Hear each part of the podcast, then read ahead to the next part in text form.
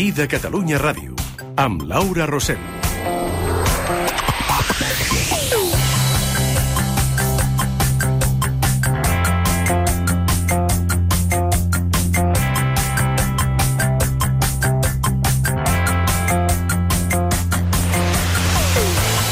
Les 11 i 6 minuts i cada setmana abans de l'apocalipsi ens agrada agafar el pinzell, a veure si ho expliquem així, Geni Roca, bon dia. bon agafar dia. el pinzell i anar fent traços per definir com és aquesta societat digital en què vivim. Sí, i com, com eh, que hem optat per dir-li segle XXI, Sí. perquè eh, els que som nascuts a la segona meitat del segle XX, per ser amables amb la nostra edat, no?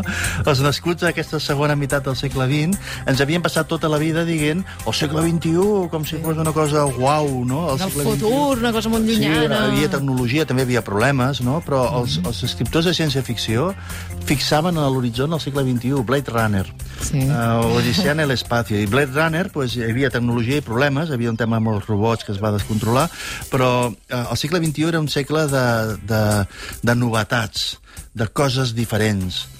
I eh, estem al 2020, ens hem fumat un quart de segle, eh, i això té una pinta segle XX Sí, sí, sí, espantosa, eh? una miqueta cansina. És com si li haguessin donat una moratòria al segle XX i li hem regalat 20 anys extra, i si no fem alguna cosa, aquest segle acabarà durant 200 anys. Ai, ai, ai, ai. Llavors, poder que ens hi posem. I en aquesta secció que, que, que venim cada dimarts, el que pretenem és eh, presentar gent que estan treballant amb el que esperàvem que fos el segle XXI i que ells sí que estan al segle XXI. Perfils molt i molt interessants cada setmana els que ens porta eh, en Genís Roca. Qui és el convidat d'avui? L'Oriol Amat. Oriol Amat, nascut a Barcelona el 1957, és catedràtic d'Economia Financera i Comptabilitat i degà de la Barcelona School of Management, la Universitat Pompeu Fabra. És membre del grup de treball Catalunya 2022 i vicedegà del Col·legi d'Economistes de Catalunya. Ha estat conseller de la Comissió Nacional del Mercat de Valors i diputat al Parlament de Catalunya. Acaba de publicar el llibre L'ampolla mig plena, aprendre de les crisis i dels que ho fan millor. Oriol Amat, molt bon dia. Bon dia. Moltes gràcies per acompanyar-nos avui al matí de Catalunya Ràdio. Quina és la pregunta que, que ens ha de respondre l'Oriol, Genís? Com estan canviant les universitats eh, amb tot això de la Covid i no només? Doncs estan canviant molt i molt ràpidament. I més que han de canviar, segurament. I, I molt més que han de canviar. En quin sentit estan canviant, Oriol? Doncs per posar un exemple, eh, jo recordo el 13 de març, que ens en vam anar a casa doncs, amb, amb normalitat, ja se sentia el coronavirus que s'estava apropant, però aleshores el, el 13 de març ens en vam anar amb normalitat i funcionant amb normalitat, i el 16 ja estava tota la universitat i la, la Barcelona School of Management, però diria tot el sistema universitari del país, el 16 de març estava funcionant amb normalitat amb remot. Ah, amb normalitat, amb remot. Amb remot. Que vol Pensava dir- que anaves a dir, eh, ja estava tot aturat, i no. no. Amb normalitat, en remot. Les classes van continuar amb normalitat, però amb remot. Nosaltres en diem presencial amb remot perquè els professors i les professores estaven donant la classe en temps real a uns estudiants que estaven, eh, tant el professorat com els estudiants, estaven tots a casa seva utilitzant una tecnologia que segurament, en parlàvem amb en Genís fa uns dies, utilitzant una tecnologia que uns anys abans no, hauria, no existia. Mm. Per tant, està canviant a millor la universitat gràcies al, al coronavirus? Podem dir això?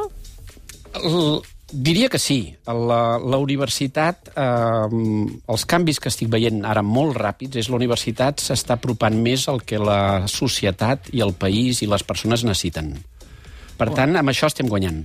Sem sembla més segle XXI, no? Quan t'imaginaves el segle XXI, t'imaginaves eh, escoltant un professor que està pues, a un altre lloc i que tu, malgrat això, ho podies... So sona més a segle XXI que la imatge clàssica que tenim, que sona molt a segle XX. Vull dir, aquest filtre de em sona 20, em sona 21, a mi m'ajuda a discriminar eh, si la cosa va en la direcció que s'esperava o no. La direcció diria que és la correcta. La direcció va començar a canviar mm, d'una manera molt important farà uns 20 anys aproximadament, quan va començar a implantar-se el model Bolònia. Mm. Bolònia, que es pot veure de moltes maneres, bàsicament és la, el mètode de Harvard, perdó, d'Oxford i de Cambridge, classes amb pocs alumnes, tutories molt directes, molt personalitzades del professorat, en lloc de classes doncs, amb 300 o 400 alumnes a l'aula. Això va començar a canviar fa uns 15-20 anys. I ara això s'està accelerant. El sistema universitari català eh, fa poc sortien rànquings i explicaven que la Universitat Pompeu Fabra eh, era, sortia molt ben valorada en els rànquings internacionals. Eh, aquesta qualitat aquesta percepció de qualitat del sistema universitari català sempre ha merescut l'atenció de, de molt estudiant de fora. Uh, I, per exemple, la Barcelona School of Management que, que, que lideres uh, és molt habitual un percentatge alt d'estudiants d'altres països que venen aquí per, per, per formar-se. En tot això del Covid, eh, els temes de mobilitat internacional s'estan complicant. Eh, com, com anirà això aquest any? Doncs internet ens està salvant. És a dir, el que està passant ara, ens hagués passat fa 20 anys, doncs realment ho tindríem molt malament. Eh? Hauríem de fer els sistemes com a- de, de de l'ensenyament a distància per correu enviant cartes i al cap d'uns dies arribava la carta. Ara, en canvi, funciona tot en temps real. El, ens estem trobant, això sí, que, el, que els alumnes internacionals, eh, nosaltres tenim aproximadament un 30-40% d'alumnes internacionals, en alguns màsters o programes en anglès són el 90% d'alumnes internacionals, ens estem trobant en aquests programes que hi, hi ha una part significativa que no ha pogut vindre, que en part ha sigut compensada per alumnes nacionals, diguem-ne, que tampoc han sortit a fora i s'han quedat a dintre. En conjunt ha caigut una mica la demanda, en el nostre cas no, no ha caigut d'una manera preocupant. Te- Tens percentatges de, de quan ha pogut caure aquesta demanda de- d'estudiants internacionals? Els en el nostre cas, la demanda d'estudiants internacionals, o sigui, les matriculacions d'estudiants internacionals han caigut, varia segons el programa, però al voltant d'un 20%. déu nhi És a dir, si venien doncs, eh, 600 alumnes internacionals, doncs un 20%, doncs estaríem parlant d'uns 120, 150 alumnes que, el, que aleshores no venen, que en bona part ha sigut suplit, eh, s'ha substituït amb alumnes nacionals, però en part no. És veritat també que el fer formació híbrida, on la professora està a classe fent la classe i els alumnes estan a Colòmbia, a Xina, l'altre dia vaig fer una classe i llavors tenia professor, eh, alumnes que estaven a 7 o 8 països diferents. Al fer la formació híbrida, la formació híbrida vol dir que tens uns alumnes que estan a l'aula i uns altres que els veus, perquè hi ha unes pantalles que et permet veure en directe tots els alumnes, doncs uns altres que estan en els seus països. Per tant, una part dels alumnes internacionals sí que s'han matriculat. Uh -huh. I hi ha una altra part que ens ha dit, escolta, vindré d'aquí un any, ara no. Llavors, eh, jo entenc, eh, ja si ho entès bé, hi ha alumnes, eh, imaginem un, un, un postgrau eh, en temes fiscals, no, mal exemple, perquè és molt local això, un, un, un postgrau en temes de, de, de direcció d'empresa, suposem. Eh, pot haver-hi un alumne local eh, de Girona que s'apunta en aquest postgrau i té previst venir a classe eh, tret que hi hagi una contingència o una instrucció fruit de la pandèmia. I a la vegada un alumne, per exemple, francès que també s'apunta i no té previst venir a classe perquè les infraestructures de la universitat li permetran seguir tot el curs des de casa. Això mateix. i, i és a dir, hi ha gent que s'apunta ja sabent que no hi haurà presencialitat uh, Nosaltres en diem presencialitat en remot. Exacte, És estem dir- entesos, estem entesos, perquè el professor està allà i està El professor està disponible, allà i en temps real- ells, en temps real. de la conversa, o sigui, és Això. síncrona, és, és una educació síncrona. Això mateix. A les 9 tens classe, si, si estàs en l'altra franja horària t'espaviles, però a les 9 hi ha classe. No és allò de ja m'ho miraré en un vídeo quan tingui un moment. Ah, Exacte. I clar, aquí tenim alguns casos especials. Fem programes on la major part dels estudiants a lo millor són xinesos o són d'Amèrica Llatina, on la diferència horària és molt important. I se la, si no volen venir, l'han d'assumir. Eh, Bé, o ells o nosaltres. L'altre dia parlàvem amb un professor amb el que havia de quedar per tractar uns temes i em diu, escolta, com que m'aniré a dormir a les 4 de la matinada, eh, en lloc de quedar a les 9 del matí, quedem una mica més tard perquè aquest professor tenia que donar una classe, eh, estem parlant d'alumnes bàsicament de, de continents molt llunyans i aleshores el, en aquest cas eh, nosaltres ens adaptàvem. Sense Covid tot això no, no, no estaríem aquí, no? O haguessin anat molt més lents. per descomptat molt més lents. El, ara, el ser humà té una capacitat d'adaptació brutal. És el que deia abans, de que en, en dos, tres dies ens vam posar a fer la formació diferent. Ja l'altre dia, parlant amb, una, amb un amic, coincidíem en dir que la natura no ens enviï tot el que podem aguantar. Que no ens enviïn tot el que podem aguantar. Evidentment, ara la gent ja està cansada del coronavirus, però que no ens enviïn tot el que podem aguantar. Perquè és molt més... Hem aguantat molt, però podem aguantar molt més. Ojalà no hàgim d'arribar a situacions límit. Tant, tant de bo que, que vagi afluixant també eh, la, la pressió del coronavirus. Uh, Oriol Amat, Genís Roca, us he de demanar un número. Sabeu que cada dia tenim un concurs en marxa amb l'Enigmarius, que ens planteja un repte. Avui tenim uh, 2.075 respostes encertades, per tant, diguem un número de l'1 al 2075. Oriol, si us plau. 2074. 2074, vinga, doncs som-hi. Uh, ara que, que parlàveu de, de com uh, el coronavirus ha fet uh, accelerar una mica no, l'aplicació de, de la tecnologia a les universitats, mm, segur que no tothom rep igual uh, aquesta implementació de, de la tecnologia, aquest uh, ensenyament uh, remot no, que, que ara ens explicaves. Els professors, per exemple, uh, com ho estan vivint? Um, hi ha resistències, tenen, tenen por, tenen dubtes uh, davant d'aquesta aplicació d'aquesta nova manera d'ensenyar ensenyar al final. Tant per part del professorat com per part de l'alumnat, el diria per posar una xifra, que el 95% s'adapten. Es fan el càrrec, eh, se n'adonen que és una situació que no era la prevista, s'adapten i, i, al contrari, ajudar tot el que poden. Uh -huh. És veritat que hi ha una, una minoria, sobretot l'any passat, quan el canvi es va produir sense preavís, aleshores hi ha una minoria que sí que els hi costa l'adaptació. El que sí segur és que les coses no són iguals. Vull dir, la, la, el, el, el model pedagògic, eh, les tècniques i habilitats personals de cadascú per, per seduir, per explicar-se, per fer el seguiment del grup. Eh, eh quan estàs en un grup tot ell sempre sent presencial, veus el que bada, el que, el que no s'està enterant de res i posa una cara de susto, eh, i això t'ajuda a orientar uh, sortint de classe, poder t'hi acostes i li dius, escolta, t'he vist una miqueta espantat, i os... ja, ja, la presencialitat té unes coses que després de mil anys d'ofici les havíem anat normalitzant i les teníem resoltes. Uh, millor o pitjor, tot es pot millorar, eh? però ara amb aquest món telemàtic, alguna d'aquestes coses eh, no funcionarà per inèrcia. Llavors ens haurem de dotar d'altres mètodes i d'altres eines.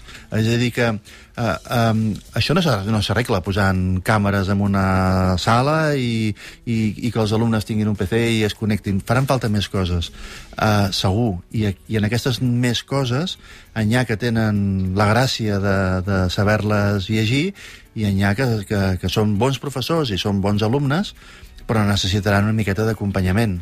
Uh, aquesta transició necessària uh, uh, serà tan ràpida, uh, escoltant-te, penso que, és, que, que tot plegat és prou ràpid i prou senzill, però hi ha una intuïció de que, de que és més complicat, no? Per descomptat que ho és. Per exemple, parlaves de control en una classe presencial, quan veus dos o tres alumnes que fan un badall, doncs tu ja saps que tens un problema i que has de canviar immediatament de mètode. Clar, ara amb les màscares tu no veus els badalls. Aleshores, eh, però anant al control, en canvi tens altres mecanismes. Quan, fa, quan fas la formació en remot, a través de l'ordinador, tu pots saber en temps real els alumnes que estan davant de l'ordinador, que contesten les preguntes... És a dir, el, ara això ja, ja portem uns anys fent-ho amb els mòbils, abans el control es feia doncs, fent una pregunta a classe i mirant quants alumnes aixecaven la mà. Ara això ja ho fem des de fa anys amb els mòbils.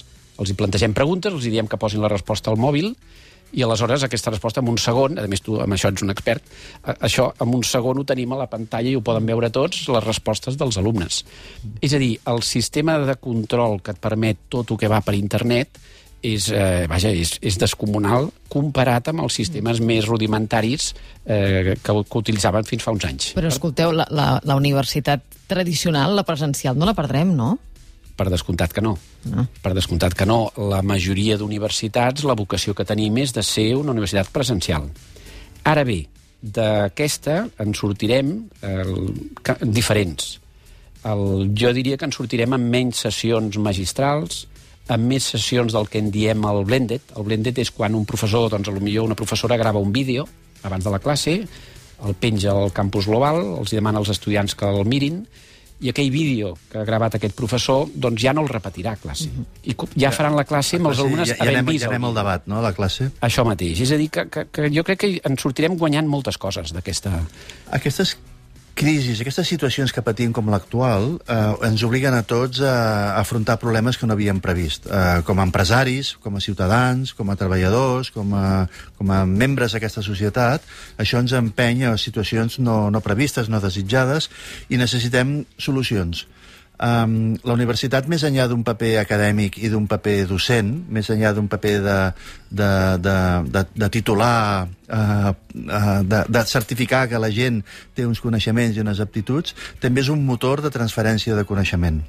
Uh, en moments així, entenc que moltes d'aquestes dubtes i d'aquestes incerteses, eh, si per exemple jo ara tingués una empresa eh, i tingués que organitzar noves formes de treball amb el teletreball, eh, una, un recurs normal seria adreçar-me a la universitat i, i demanar-vos la reflexió eh, sobre com s'organitza el teletreball, com es fa una jornada, etc. Aquesta obertura de la universitat per resoldre problemes, més enllà d'impartir docència, és un dels reptes, eh, és una línia de futur, eh, perquè se n'ha parlat sempre, però és com si a vegades la universitat estigués una miqueta absent de, del dia a dia dels problemes reals.